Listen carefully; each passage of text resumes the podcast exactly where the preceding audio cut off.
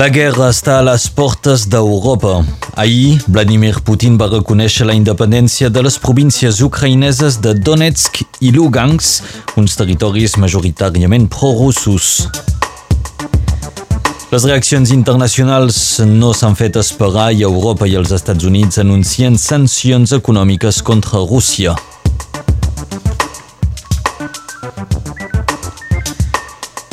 A nivell de la informació local destaquem el Comitè Local d'Ajuda a les Víctimes de l'explosió de Sant Llorenç de la Salanca. Aquest comitè es va constituir ahir.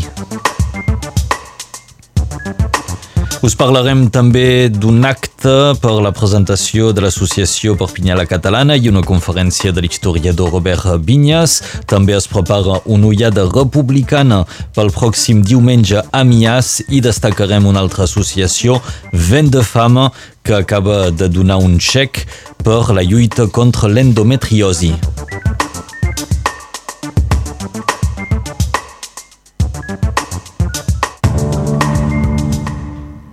Després d'una nit de fortes ventades, avui la tramuntana hauria de perdre força a mesura que avanci la jornada.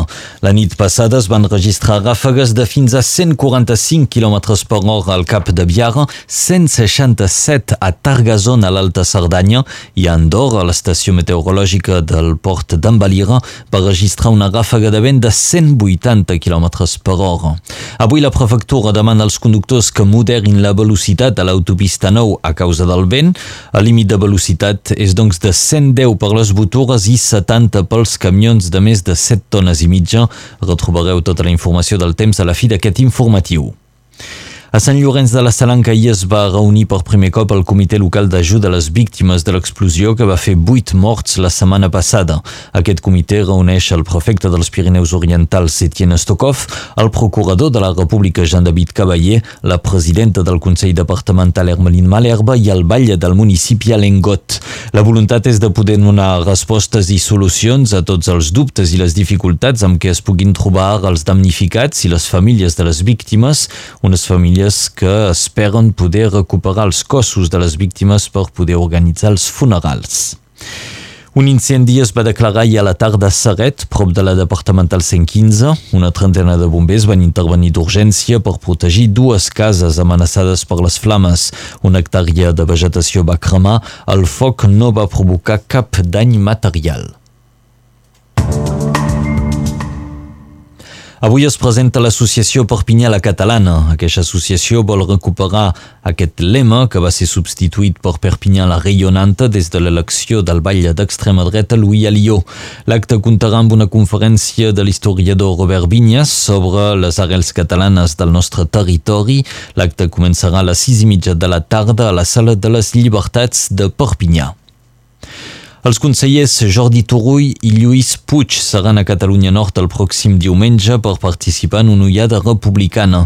És organitzada per l'Assemblea de Catalunya Nord en benefici dels represaliats per la justícia espanyola. Tots els beneficis aniran doncs a la Caixa de Solidaritat. L'acte comptarà també amb la presència de Jordi Puig, un home que va fer la volta dels països catalans amb cadira de rodes en suport als presos polítics i per reivindicar la República Catalana. Aquesta ullada republicana es farà diumenge al migdia a la sala de festes de Mias. El preu del dinar és de 12 euros. Si seu interessats, afanyeu-vos, encara queden calques tiquets a la venda fins demà dimecres. Els podreu comprar a la botiga Visca de Perpinyà o per internet a la web assemblea.catnord.cat. L'associació Vent de Fama acaba de donar un xec de 3.490 euros a Endofrança, una associació que lluita contra l'endometriosi. Es tracta de la malaltia ginecològica més freqüent, afecta una dona sobre 10. L'endometriosi pot causar dolor, a més de ser sinònim d'infertilitat per un 30-50% de les dones que la pateixen. L'associació Vent de Fama ha volgut donar visibilitat en aquesta malaltia.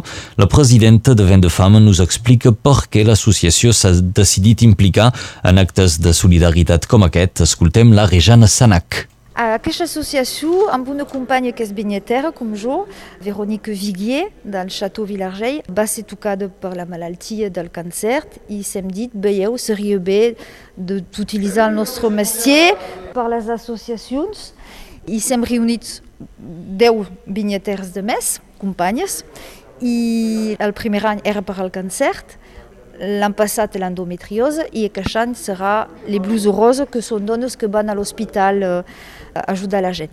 I organitzem eh, un, un tas de vi amb degustacions, vent de vi, hi ha música, se pot men de menjar també. Eh, el primer any era Chose de la Séverine, euh, Château de l'Eau, a Montescot. I l'any passat era la Margot a Elne, Sol Pairé, i aquest any és el Château Nadaleno al Soler. Se passarà el 18 de març, a partir de 4 hores i mitja, i tindrem uh, les toques blanques que vendran també, i serà l'associació la, la, Les Blues Roses, són dones. Al debut ajudaven mainada a l'hospital i ara és per tothom. Ens ho deia la Rejana Sanac del domini Sanac de Sant Genís de Fontanes, és eh, la presidenta de l'associació Vent de Fama. Les dones vinyateres us donen cita el dia 18 de març per tastar vins del país, tot ajudant l'associació Les Blues Rosa. Un total de 40 dotacions dels bombers treballen en un incendi forestal que s'ha declarat a Roses, a l'Alt Empordà, poc abans de la mitjanit i que ha avançat amb força, empès per la tramuntanada. De fet, segons informen els bombers, els efectius d'extinció estan desplegats en un perímetre d'unes 400 hectàrees.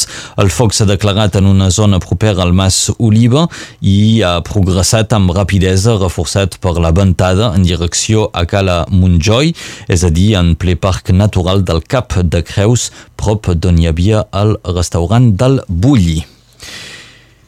Parlem ara de Bretanya, on diumenge s'hi va desplegar la bandera més gran del món, una bandera bretona, de 1.400 metres quadrats. L'acte es va fer al centre de Nantes per reclamar que el Departament de l'Oir Atlàntic integri la regió Bretanya. Els impulsors de la mobilització reclamen un referèndum per la reunificació de la Bretanya històrica, un referèndum previst el 2024. Avui, més de 200 elegits reclamen que es posi fi en aquesta divisió. Un sondatge de l'any passat va en el sentit d'aquests 200 eh, elegits. Diu el sondatge 80% dels habitants de l'Oir Atlàntic són favorables a la reunificació de Bretanya, així com un 66% dels habitants de la regió País de l'Oir. La guerra amenaça a la frontera ucraïnesa, malgrat les declaracions de bones intencions de Rússia.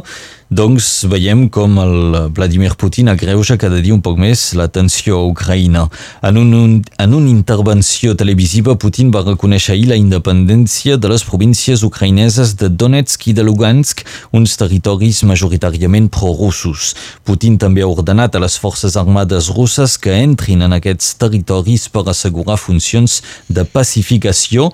Enmig d'aquesta situació, l'exèrcit rus diu haver matat cinc persones que acusa de sabotejadors a la frontera amb Ucraïna. I les declaracions de Putin i l'entrada de tropes en territori ucraïnès marquen un pas més cap a la guerra. L'alt representant de la Unió Europea als Afers Exteriors i Política de Seguretat, Josep Borrell, ha assegurat que la Unió respondria amb contundència a... i ha anunciat també sancions contra Rússia. Des de Washington, el president dels Estats Units, Joe Biden, ha anunciat sancions econòmiques contra persones que facin negoci 6 a les dues autoproclamades repúbliques separatistes, Biden podria doncs anunciar avui mateix més càstigs econòmics sobre Rússia. I Emmanuel Macron ha demanat una reunió urgent del Consell de Seguretat de les Nacions Unides i l'adopció de sancions europees selectives contra Rússia.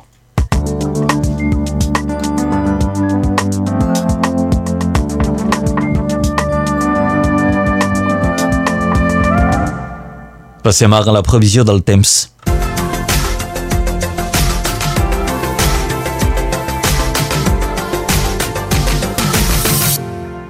Malgrat l'amenaça de depressions al nord, l'anticicló resisteix i s'instal·la un corredor en el qual s'endinsa el vent i encara avui tenim la presència de la tramuntana sobre la meitat est del territori. Cap a la costa vermella les ràfegues superen els 100 km per hora, igual al Capcí, però afluixarà ràpidament.